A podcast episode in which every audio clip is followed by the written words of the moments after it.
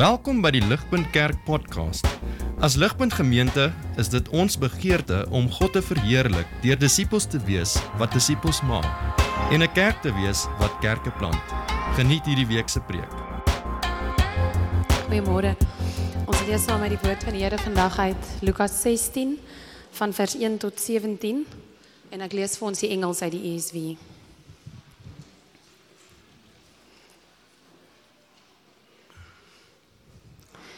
He also said to the disciples, There was a rich man who had a manager, and charges were brought to him that this man was wasting his possessions.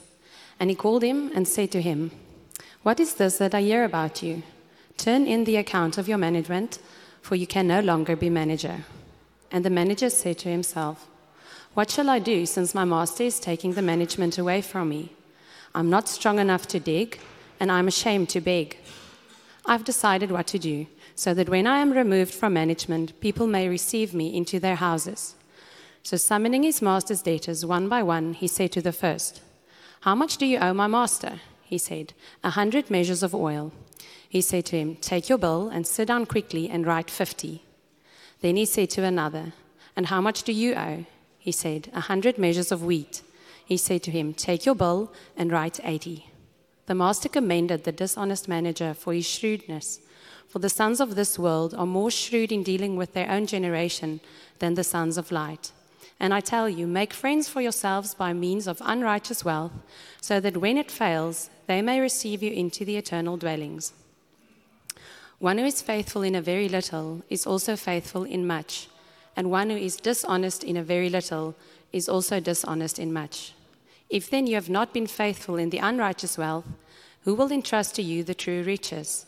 And if you have not been faithful in that which is another's, who will give you that which is your own? No servant can serve two masters, for either he will hate the one and love the other, or he will be devoted to the one and despise the other. You cannot serve God and money. The Pharisees, who were lovers of money, heard all these things, and they ridiculed him. And he said to them, You are those who justify yourselves before men, but God knows your hearts. For what is exalted among men is an abomination in the sight of God. The law and the prophets were until John. Since then, the good news of the kingdom of God is preached, and everyone forces his way into it. But it is easier for heaven and earth to pass away than for one dot of the law to become void.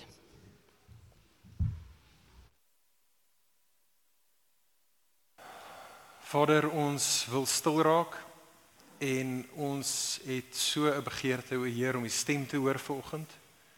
Here, veral in 'n gedeelte wat soos ons dit lees, Here, is dit vir ons moeilik om sin te maak van wat u selfs hier probeer sê. Maar Here, ons weet dat u praat, ons weet u praat deur die woord. Ons weet u praat deur elke versie in elke hoofstuk in elke boek en u praat perfek. Here, U is kristalhelder oor wat U woord sê en so ek bid vir daardie rede, Here, dat U selfs um, my gebroke probeer om hierdie teks te kommunikeer aan 'n geloofs aan ons geloofsgemeenskap dat U dit sal gebruik.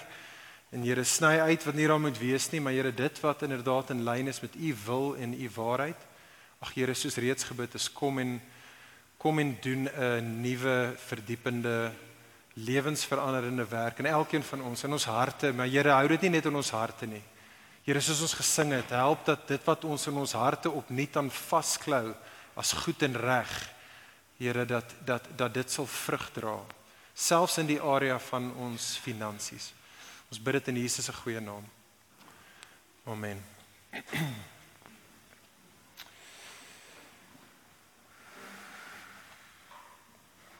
Vriende, een van die ehm um, dinge wat ek kan onthou van my kinderjare en ek het nie die beste van geheue nie, maar ek kan vir een of ander rede is daar een toneel uit een rolprent uit wat my hele lewe by my gebly het.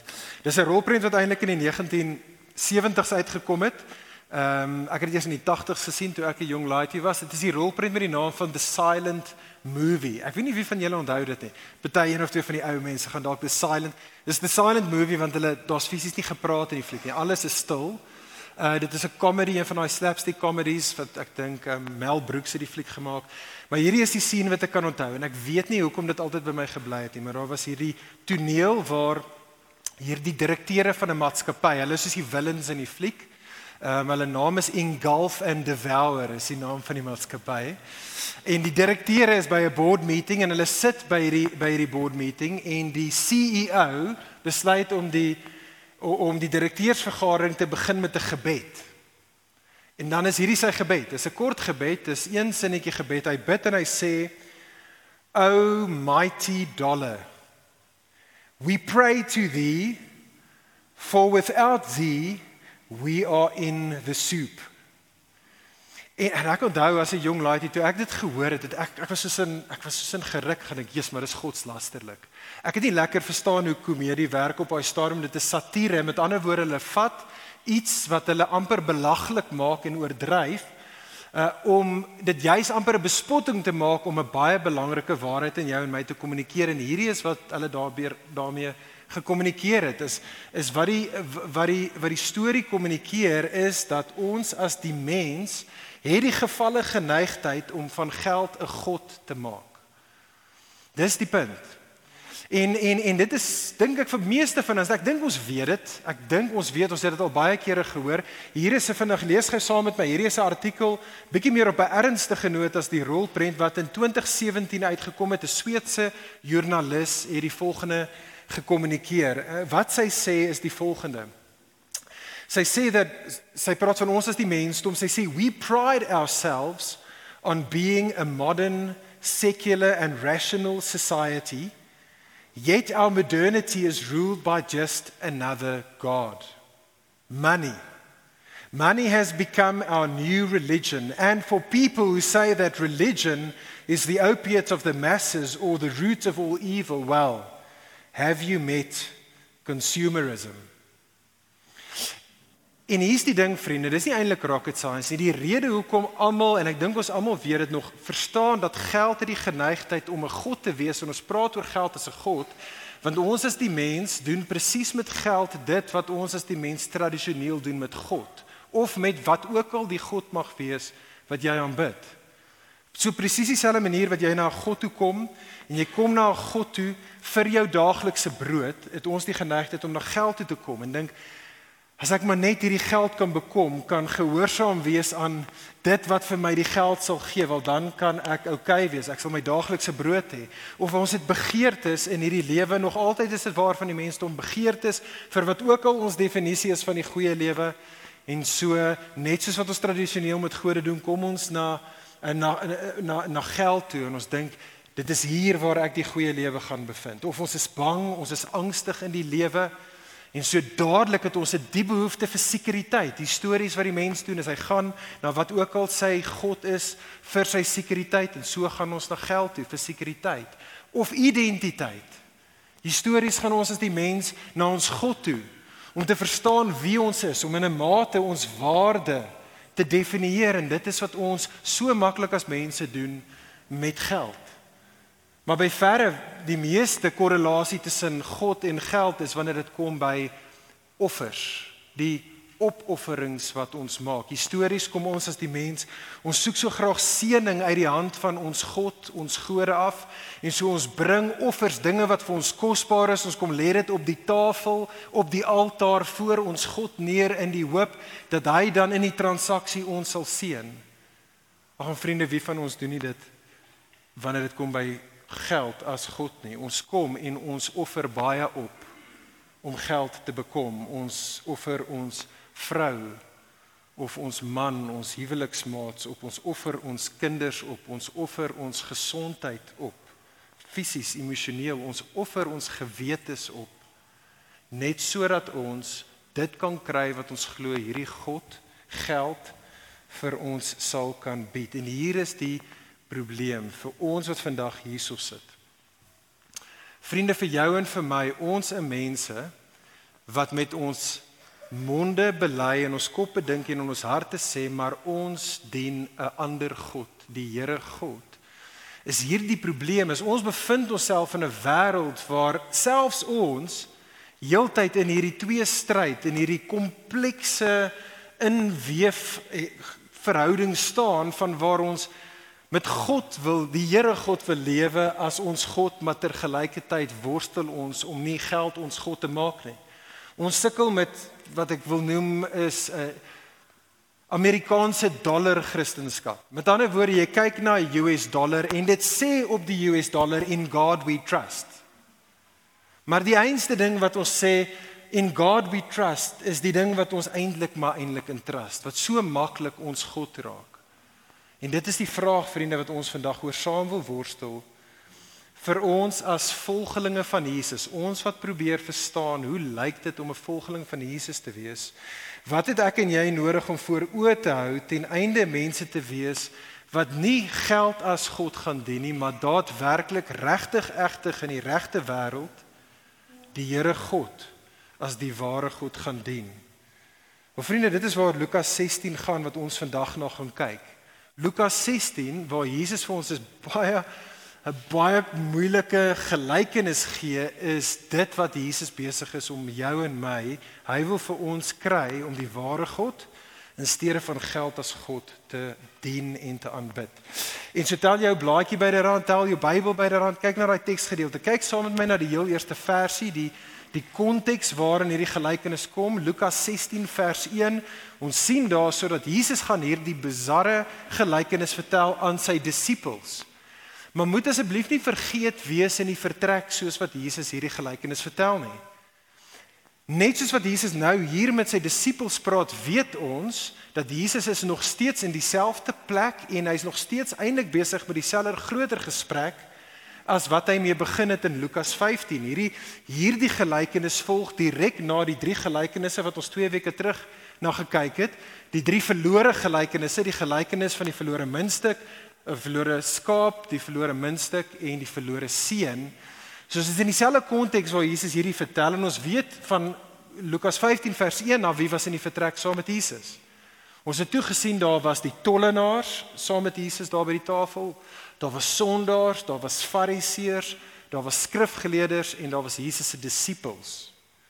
En so nou hy praat met die disippels, maar Jesus weet goed wie sit saam met hom daar in daai twee groepe, die tollenaars en die fariseërs, is dalk mag jy dink baie ver verwyderd van mekaar. Ek bedoel die een is die sekulêre ouens en die ander ouens is die godsdienstige ouens, maar weet julle wat vriende?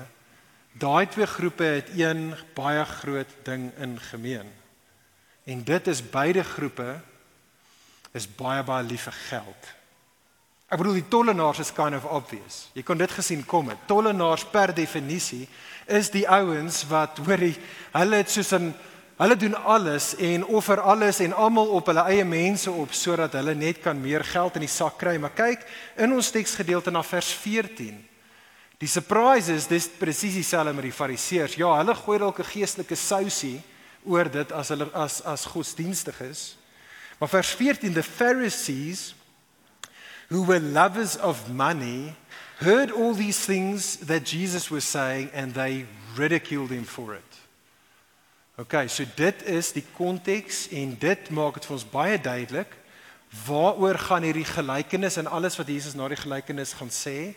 Uiteindelik gaan dit alles oor geld en hoe ons as mense as ons volgelinge van Jesus gaan wees en van die ware God, hoe gaan ons verhouding met geld lyk. En so dit is wat ek wil hê ons moet na kyk. Ons kyk na die gelykenis vanoggend en Jesus wil by wyse van hierdie gelykenis vir elkeen van ons wat vandag hier is, drie dinge sê.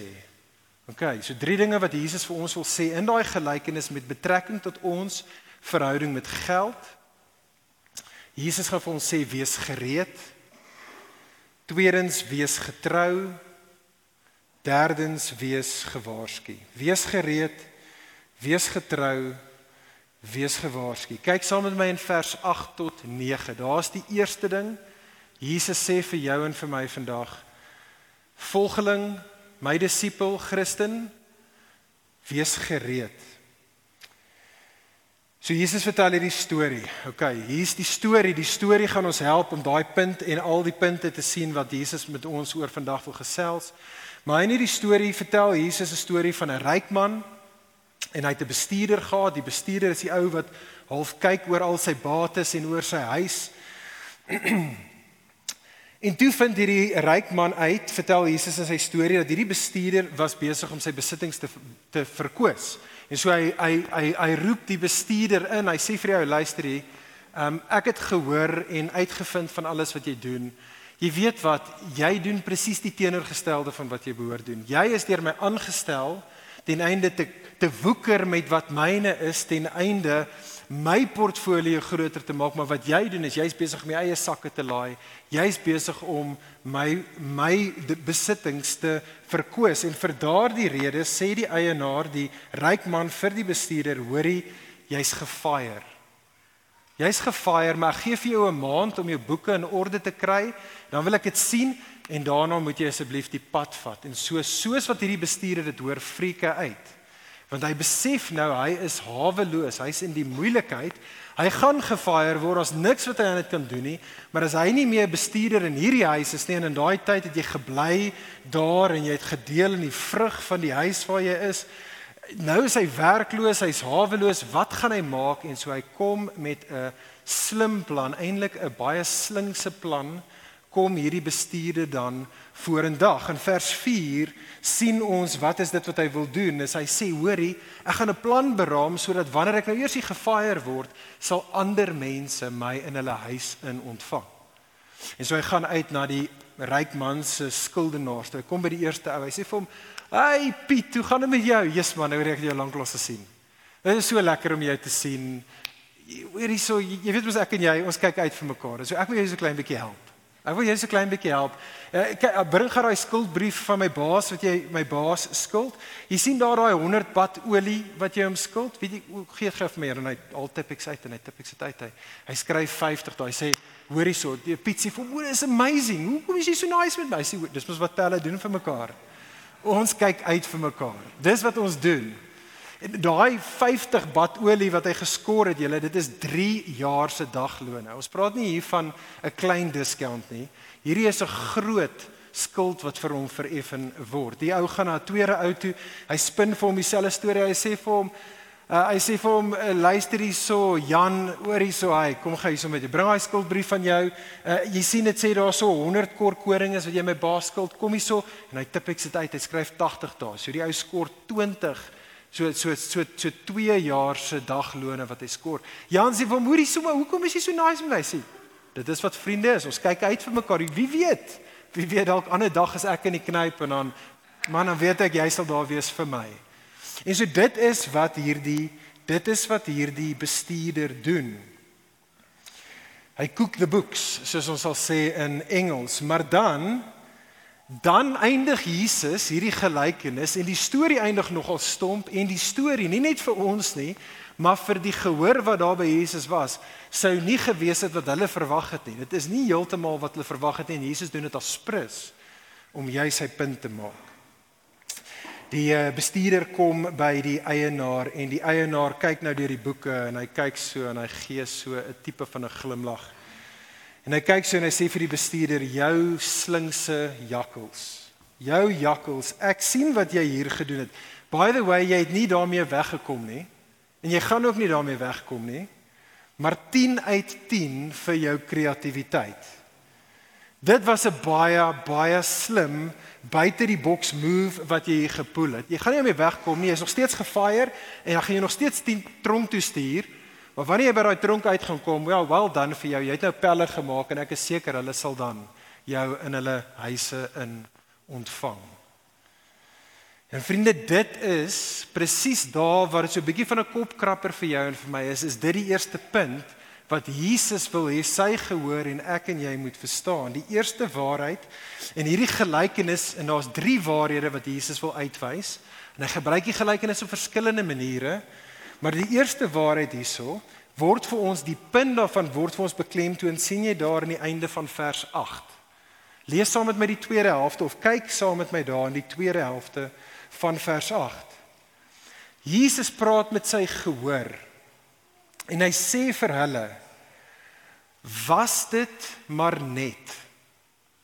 Was dit maar net dat God se mense die kinders van die lig so verstandig kan wees soos wat die kinders van die wêreld baie kere slim is. Ek wil hierdie ou verteenwoordig kinders van die wêreld. Jesus sê as dit maar net was dat my mense soveel common sense kon gehad het soos wat mense in hierdie wêreld het, Wat mense in die wêreld doen, dit is wat hierdie ou gedoen het en vriende, elkeen van ons sien dit, ons doen dit ook in hierdie wêreld, is dat as jy in hierdie lewe is en jy besef dat daar is 'n uh, 'n baie groot waarskynlikheid dat jy van jou rykdom gestroop gaan word. So daar's dalk 'n groot storm wat kom of daar gaan kan jy dit glo dalk in Suid-Afrika die wees wat jou kar gaan steel. As jy weet dat daar is 'n ding wat gaan kom wat jou rykdom gaan stroop van jou af, dan is mense in hierdie wêreld is wys, ons is slim. Ons lewe in die lig daarvan. Ons maak seker voor die tyd dat ons is reg vir wanneer ons gestroop word van van al ons rykdom, gaan ons oukei okay wees. Dit is wat ons doen, wêreldse wysheid. Dis common sense. Jesus sê hier vir ons, was dit maar net dat my mense, die kinders van die lig, dat hulle op 'n soortgelyke manier wysheid met common sense deur hierdie lewe sal gaan. Dis Jesus se punt. Mag dit maar as my mense maar net sal lewe in die lig van die dag van rekenskap wat hulle weet kom. Hulle weet die dag van rekenskap kom. As hulle maar net met hulle aardse rykdom so sou omgaan dat daardie dag waar almal op aarde insluitende hulle van alle aardse rykdom gestroop gaan word dat hulle seker maak dat hulle daarna fyn gaan wees. Goed dat dinge goed sal wees vir hulle. Kyk vers 9, dit is presies hierdie eerste punt wat Jesus maak vir jou en vir my. Vers 9 in die Engels. And I tell you en hy praat nou met sy disippels onthou. And I tell you make friends for yourselves by means of unrighteous wealth. Nou stop net gou daar unrighteous wealth is maar net 'n manier om aardse rykdom te distansieer van wat hy later gaan van praat van ware ewige rykdom wat hy navolg. So dis wat hy bedoel met unrighteous wealth. Dit is rykdom van hierdie wêreld. Dis nie dat dit een of van 'n dodgy deal is nie. Dis net bloot rykdom van hierdie wêreld. OK, Jesus sê vir ons, sy disippels, I tell you, make friends for yourselves by means of unrighteous wealth, so that when it fails, These friends may receive you into eternal dwellings. Vriende, ek wonder wie van julle is vertroud met George Muller. Ken julle vir George Muller? Hy was 'n baie baie bekende in die 1800s 'n Duitse evangelis wat in Engeland grootendeels gelewe het.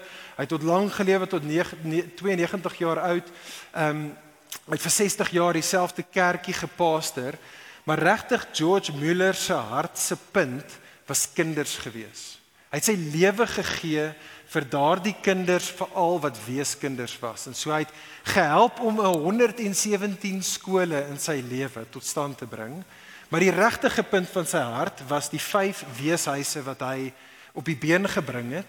En in sy lewenstyd alleen was daar derduisende op derduisende weeskinders wat in daardie huise ingeneem is. En mense het van oral later aan geld vir hom gegee en hy het al daai geld honderde miljoene dollars in vandag se tyd het hy so aanspandeer op hierdie kinders, op hierdie weeshuise. Hy het daai kinders grootgemaak. Hy het vir hulle grootgemaak en hulle gedisipel. Hy het hulle uitgestuur om universiteit toe te kan gaan of om een of ander werk te kan gaan doen en dit is hoe hy sy hele lewe, dit was dit is sy lewe gedefinieer. Kyk sommer op die skerm wat het George Muller gesê en net waarskynlik ons gaan 'n hele paar George Muller quotes gaan ons ver oggend na kyk. Maar hoor wat het hy gesê? Hierdie is die beweegrede, sy lewensoortuiging. George Muller het gesê the longer I live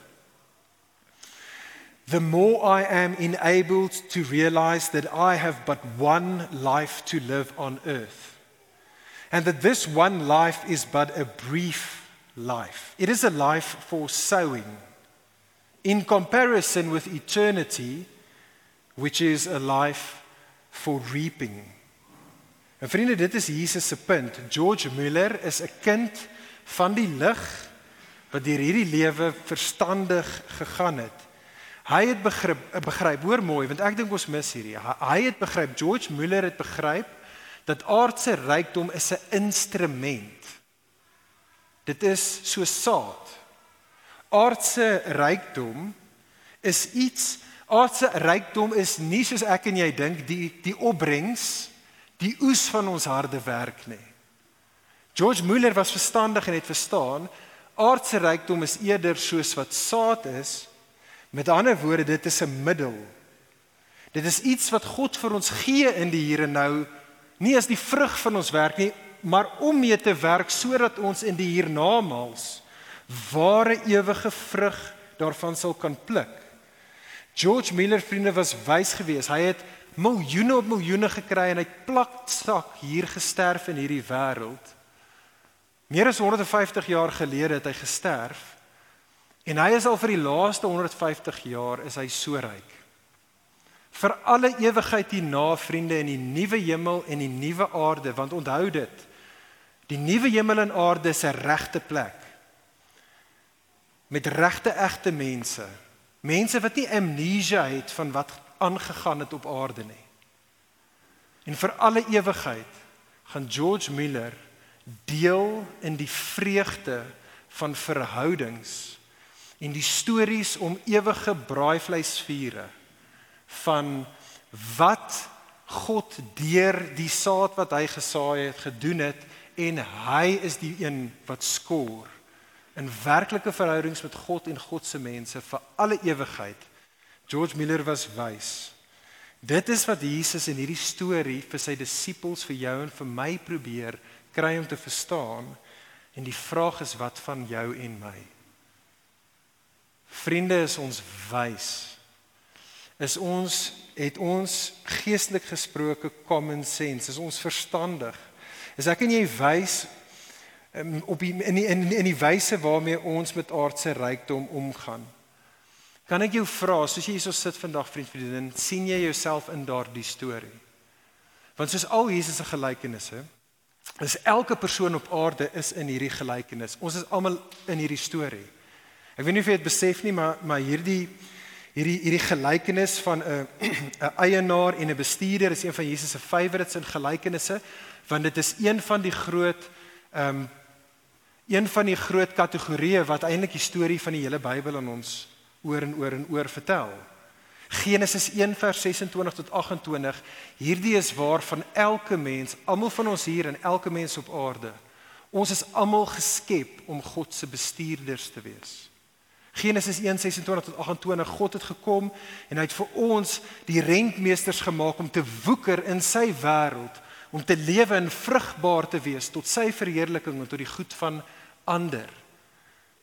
Dit is wat hoekom ek en jy en elke persoon op aarde bestaan. Dit is wat sonde is. Dis wat Adam en Eva verkeerd gekry het. Sonde per definisie is wat ons ons skepingsmandaat versuim en ons gaan eerder en ons vat die eienaar se se besittings en ons spandeer dit vir onsself vir ons verheerliking vir ons voordeel in steede van vir sy verheerliking en die voordeel van ander. En vriende, net soos in hierdie storie het ek en jy en almal op aarde het nodig om te hoor dat die eienaar van planeet Aarde en van ons lewens is nie blind tot ons oneerlikheid en wat ons mee besig is nie. Hy weet dit. Hy sien dit. En daar gaan 'n dag kom waar almal van ons, dis die dag van rekenskap, waar elkeen van ons die boeke gaan indien en elkeen van ons gaan voor die eienaar God, die Skepper God staan en gaan verantwoording moet doen vir wat het ons gedoen as sy bestuurders, nie met ons rykdom nie, maar met syne. En so kan ek jou aanspoor, vriend, vriendin, skryf jouself nie net want ons almal is in die begin van daai storie, maar skryf jou lewensstorie in die einde van daai storie in. Hoor asseblief tog mooi, die punt van die gelykenis is nie En ek sê weer dit is nie die punt van die gelykenis nie dat ek en jy oordeelsdag kan vryspring deur net ons geld te spandeer vir God en vir sy koninkryk nie. Dit sal werksgodsdiens wees. Dit is nie die punt van Jesus gelykenis nie. Nee, om 'n kind van die lig te wees. Ons net een manier sê die Nuwe Testament wat ek en jy kinders van die lig word. Jy word 'n kind van die lig. 2 Korintiërs 4 is 'n voorbeeld hiervan. 2 Korintiërs 4 vers 6 is is wanneer jy die lig van die glorie van God in die gesig van Jesus sien, wanneer jy Jesus sien vir wie hy is en as dit ware deur hom verlig word, as jy die seën aanneem, dan word jy as kind aangeneem. Dit is die enigste manier. Jy kom, jy kyk na hierdie Jesus, jy vertrou in hom. Jy sê Jesus, jy's my grootste skat. Dan is jy 'n kind van die lig. Dit is deur die bank wat die Nuwe Testament sê. Maar hoe ek en jy onsself in die einde van hierdie storie kan inskryf, vriende, is dat ek en jy het nodig om wys te wees soos hierdie man en te besef Christen hoor dit mooi, dis wat Jesus vir ons wil sê. Hy wil vir jou en vir my sê wees wys. Wees gereed vir daardie dag. Maak seker dat op daardie dag kind van die lig, wanneer jy staan voor God, dan gaan jy soos George Muller kan sê, Here, ek het my lewe spandeer met 'n ewigheidssig. En en ek sien uit. Ek sien uit na hierdie huise met hierdie vriende wat ek vir alle ewigheid gaan geniet gegeewe die feit dat ek nou geleef het nie vir my huis nie, maar vir u huis. En so hoor jy die woorde weer van George Muller. George Muller sê vir ons soos hy vir homself dit geglo het when the day of recompense comes our only regret will be that we have done so little for him not that we have done too much. Besef jy dit? Op daai dag gaan ons nooit spyt wees dat ons ooit te veel vergedoen het vir koning Jesus, nê? Ons gaan net dink, "Ag, oh, nou met 2020 visie, as ek maar net meer, as ek maar net met meer wysheid, verstandig geleef het hierdie kant van uh, die uh, van van die dag van rekenskap."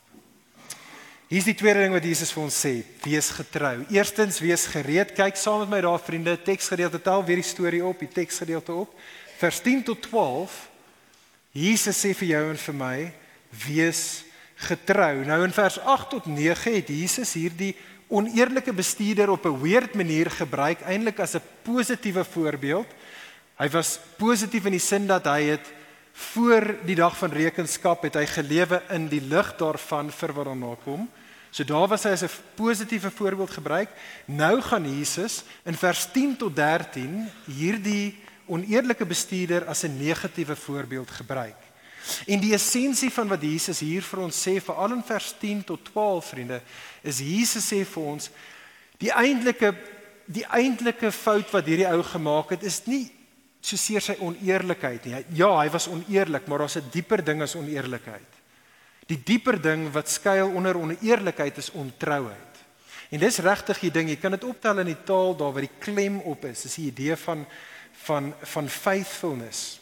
En so in vers 10 gee Jesus die beginsel. Kyk saam met my, ek lees vir ons die beginsel. Dis 'n is 'n obvious lewensfeit. Die beginsel sê Jesus is one who is faithful in a very little is also faithful in much, and one who is dishonest in very little is also dishonest in much. Okay, ons almal weet dit, dit is hoe die hele wêreld werk. Dit is hoe ons met ons kinders werk. Dit is hoe ons met werknemers werk. Dit is hoe vriendskap werk. Okay, so met jou kind, is jou jou as, as, as jou kind uh, 'n selfoon wil hê en jy gee vir jou kind die selfoon en jou kind is getrou, hy's betroubaar met hoe hy sy selfoon gebruik in daai bietjie, dan gaan jy die vir hom sê okay, jy kan so klein bietjie meer. Jy gee die die die voordele raak 'n klein bietjie meer want ek kan sien ek kan jou vertrou. By die werk as jy gee vir 'n 'n junior werknemer 'n taak en as hy die taak goed doen, die dinge wat jy hom toevertrou, dan dink jy, "Great, ek gaan meer verantwoordelikheid, meer take aan hierdie persoon toevertrou en die persoon se scope gaan meer en meer word." Dit is hoe vriendskappe werk. Jy vertrou van jou harts geheime, jou struggles, baie intimiteit met 'n vriend of 'n vriendin. En as jy agterkom hierdie persoon met wie jy aan wie hierdie ding toevertrou dat jy kan hulle daarmee vertrou, hulle is betroubaar, dan groei daai verhouding waar jy meer en meer en meer van jou diepste hartsdinge aan hulle gaan toevertrou. En dis eenvoudig Jesus se beginsel. Dit is die punt. Jesus sê dit is hoe God ook werk in sy verhouding met ons. Kyk vers 11 en 12. Kyk hoe sê Jesus dit in vers 11 en 12. Vers 11: As ons dan as Jesus se volgelinge onthou hy praat met die disippels. As ons dan nie betroubaar was met die aardse rykdom wat God aan jou en my toevertrou het nie, hoekom sal hy dan aan ons in die ewigheid wat hy navolg aan ons ware ewige rykdom toevertrou? Vers 12 As ons dan nie betroubaar was met sy rykdom nie, hoekom sal hy dan in die hiernamaals vir alle ewigheid vir jou en vir my ons eie goeders gee? As ons dan nie met hy wat God is betroubaar gewees met sy staf nie, hoe hoe so daar's 'n direkte implikasie, daar's 'n direkte korrelasie is Jesus se punt tussen ons getrouheid nou en en en en en, en ons ewige geniet van God se voorregte in die nuwe hemel en aarde. Hoor weer 'n keer, ons moet nog 'n paar van hulle doen. Weer hoor weer 'n keer wat George Muller gesê het. And by the way, niks van wat hy hier gesê het kom eers uit Lukas 16 uit nie. Hy het net geswem in hierdie worldview. Is net amazing. So, ehm um, hoor wat sê George Muller het hy gesê op 'n ander stadium. Hy het gesê A brother with small earnings may ask, should I also give? My earnings are already so small that my family can barely make ends meet. My reply is Have you ever considered that the very reason your earnings remain so small may be because you spend everything on yourself?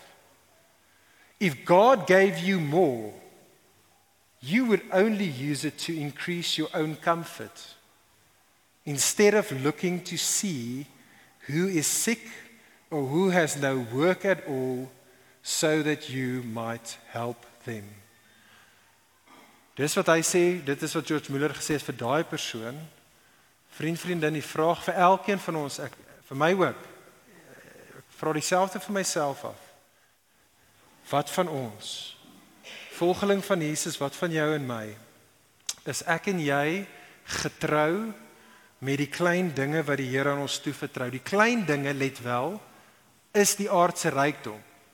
In in vergelyking met 'n ewigheid en die rykdom wat kom, ek gee nie om of jy R500 'n maand verdien en of jy 500 000 rand 'n maand verdien nie. Volgens Jesus hier is dit die klein dinge. Jesus vra vir jou en vir my, hy vra vir ons, is ons getrou in die klein dinge? Jy mag dalk hier so sit en jy mag sê maar poen, Kyk kom nou, wees meer konkreet. Hoeveel, hoeveel van my aardse rykdom behoort ek op die Here se koninkryk dan te spandeer? Kan jy sien hoe daai die verkeerde vraag is? Kan jy sien wat daai vraag eintlik verklap? As jy dit reeds al gewonder het. Want dit is die hele punt van hierdie hele gedeelte wat Jesus hier vir ons kommunikeer in Lukas 16. Die hele punt is is dat Bybels gesproke vriende, Bybels gesproke het ek en jy nie rykdom nie. Dit is nie jou en my rykdom nie. Kinders van die lig is per definisie batebestuurders van God se rykdom. En so ja, dit mag wees dat jou en my portfolios as God se batebestuurders mag verskil. Weet jou portfolio is 'n sekere size en 'n ander ou se portfolio is dalk groter. Dit mag so wees. En ek dink, en dit is 'n bietjie spekulasie, maar ek dink dit is ook fyn dat selfs die kom ons sê die kommissie van daardie uh, portfolio bestuurders sal verskillend wees. Ek ek, ek dink dit is nog fyn. Dit is treffend soos ek tevore gesê het dat in die in die eerste eeu weet ons dat die bestuurders hulle het gedeel in die vrug van die eiendom, so hulle het salaris getrek, hulle kon lewe. Ons weet van tekste soos Timoteus hoofstuk 6 vers 17. God sê vir ons hy gee vir ons dinge sodat ons dit kan geniet. So daar's 'n plek vir jou en vir my om die goeie dinge van hierdie wêreld te geniet soos wat ons woeker met God se rykdom.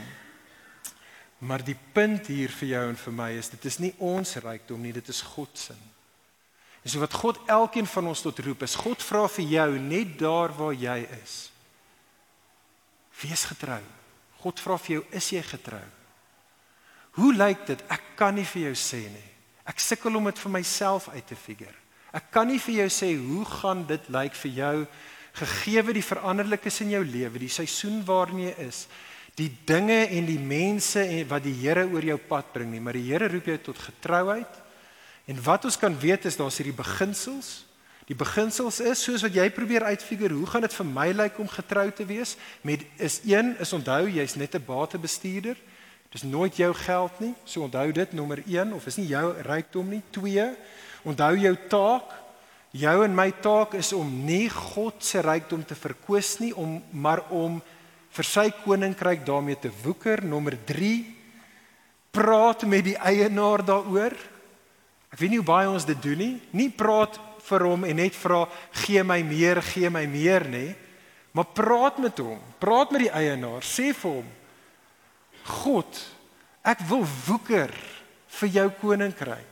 Asseblief help my. Gee vir my wysheid, gee vir my insig.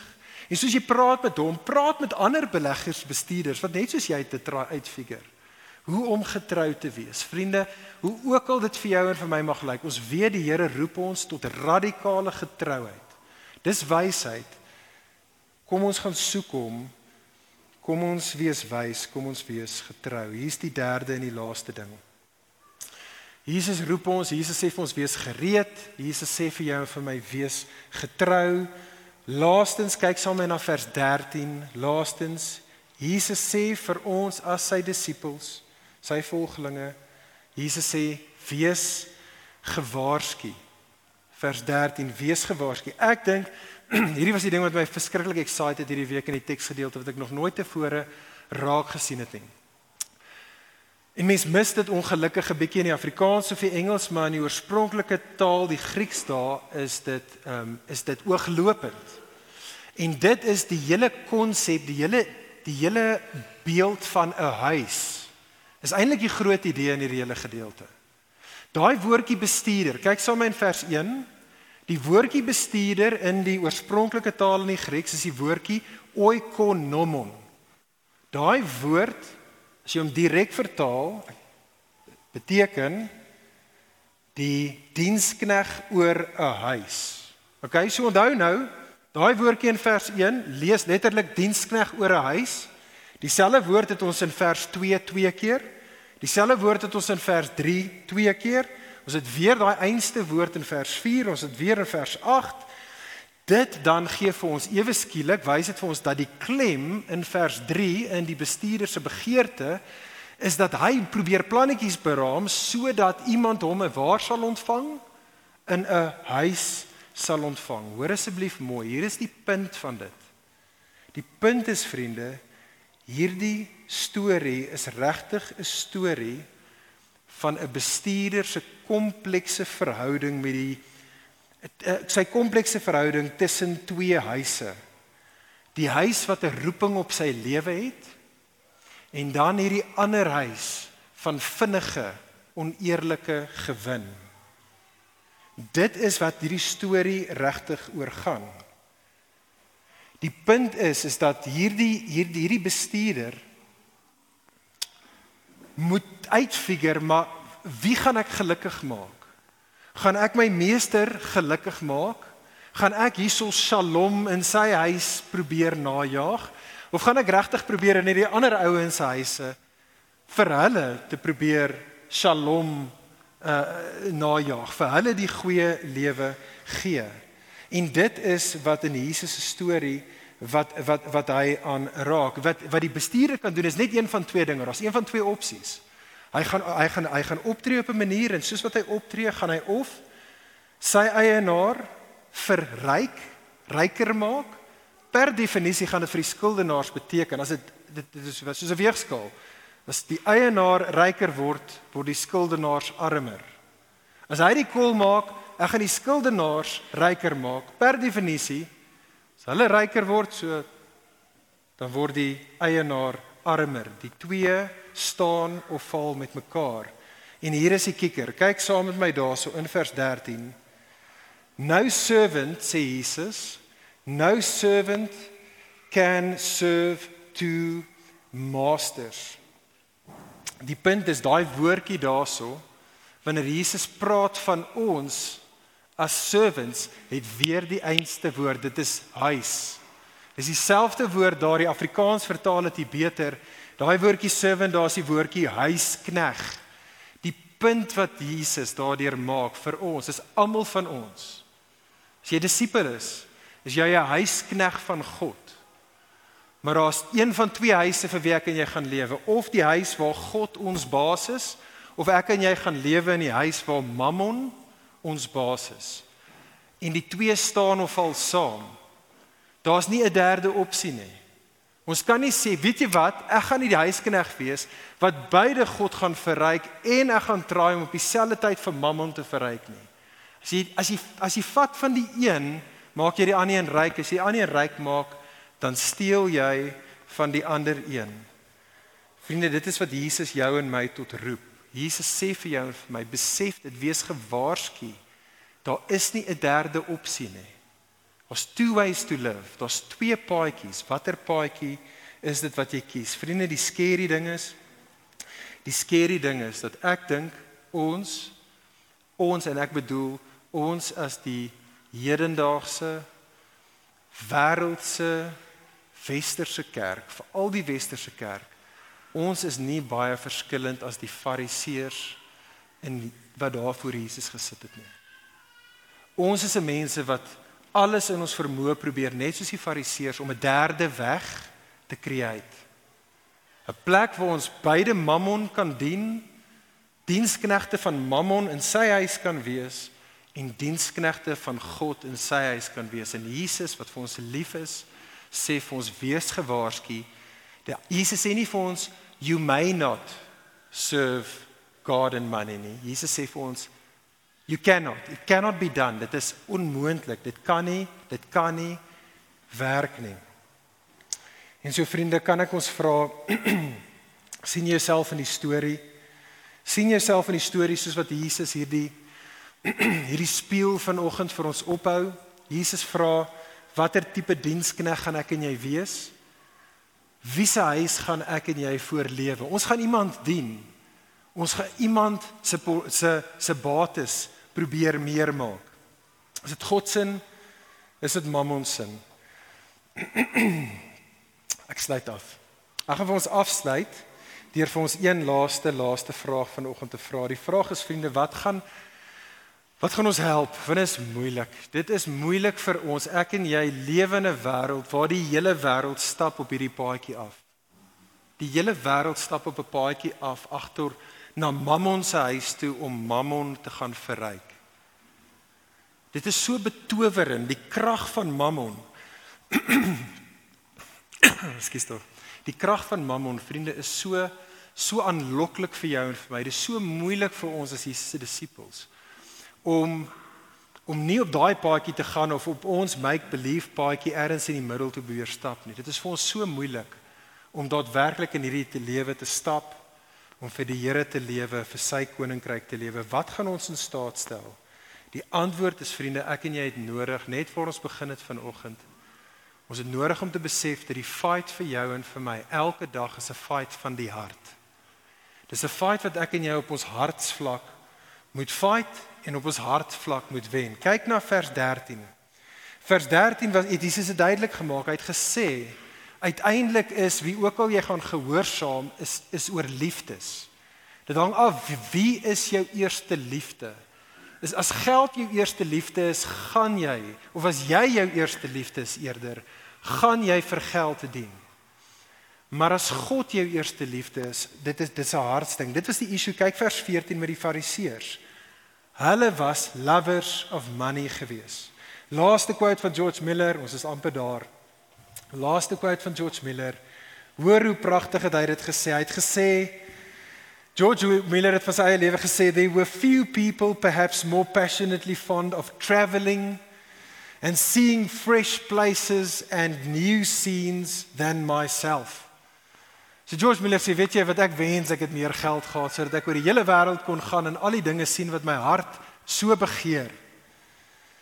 Maar hoor wat sê hy sê but now since by the grace of God I have seen the beauty in the Lord Jesus I have lost my taste for these things. Vriend, vriendin, dit is wat ek en jy nodig het.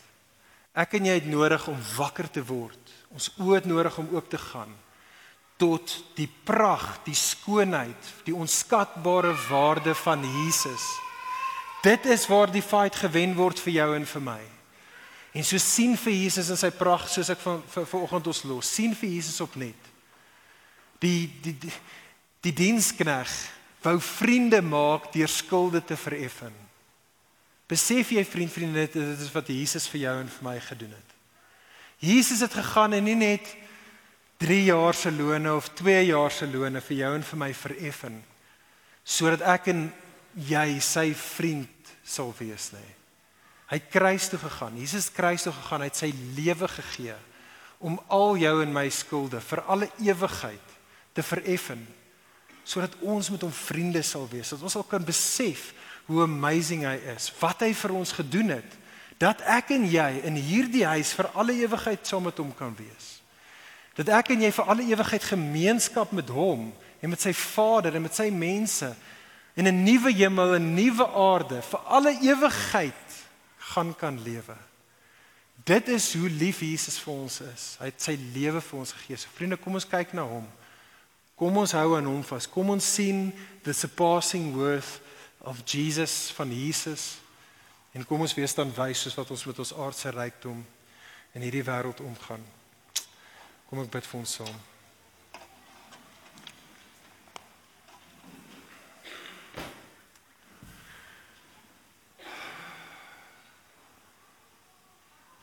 Vader ek pleit deur die Gees dat U ons nie net nou nie maar elke dag, elke oomblik ons oë sal hou op Jesus. Jesus wat ons skulde vereffen het sodat ons sy vriende kan wees. Ag Here Jesus, ek bid dat dit vir ons nooit sy glans sal verloor sodat fake so soos wat fake gold ons vir 'n kort tyd nou betower nie. Ag Here, deur die Gees kom en doen 'n diep werk in ons dat ons Jesus in al sy kosbare waarde hom as die grootste skat sal sien en hom as die grootste skat sal geniet. En soos wat ons dit doen, o Heer, maak ons vry van die slawerny van geld en die dwaasheid om vir net 'n paar jaar nou te lewe. Here, ons sien uit vir die ewigheid saam met U. Ons sien uit na die goeie lewe vir alle ewigheid. Wees ons tog genadig in Jesus se naam. Amen. Vir meer inligting oor Ligpunt Kerk, besoek gerus ons webwerf op www.ligpunt.com of kontak ons gerus by info@ligpunt.com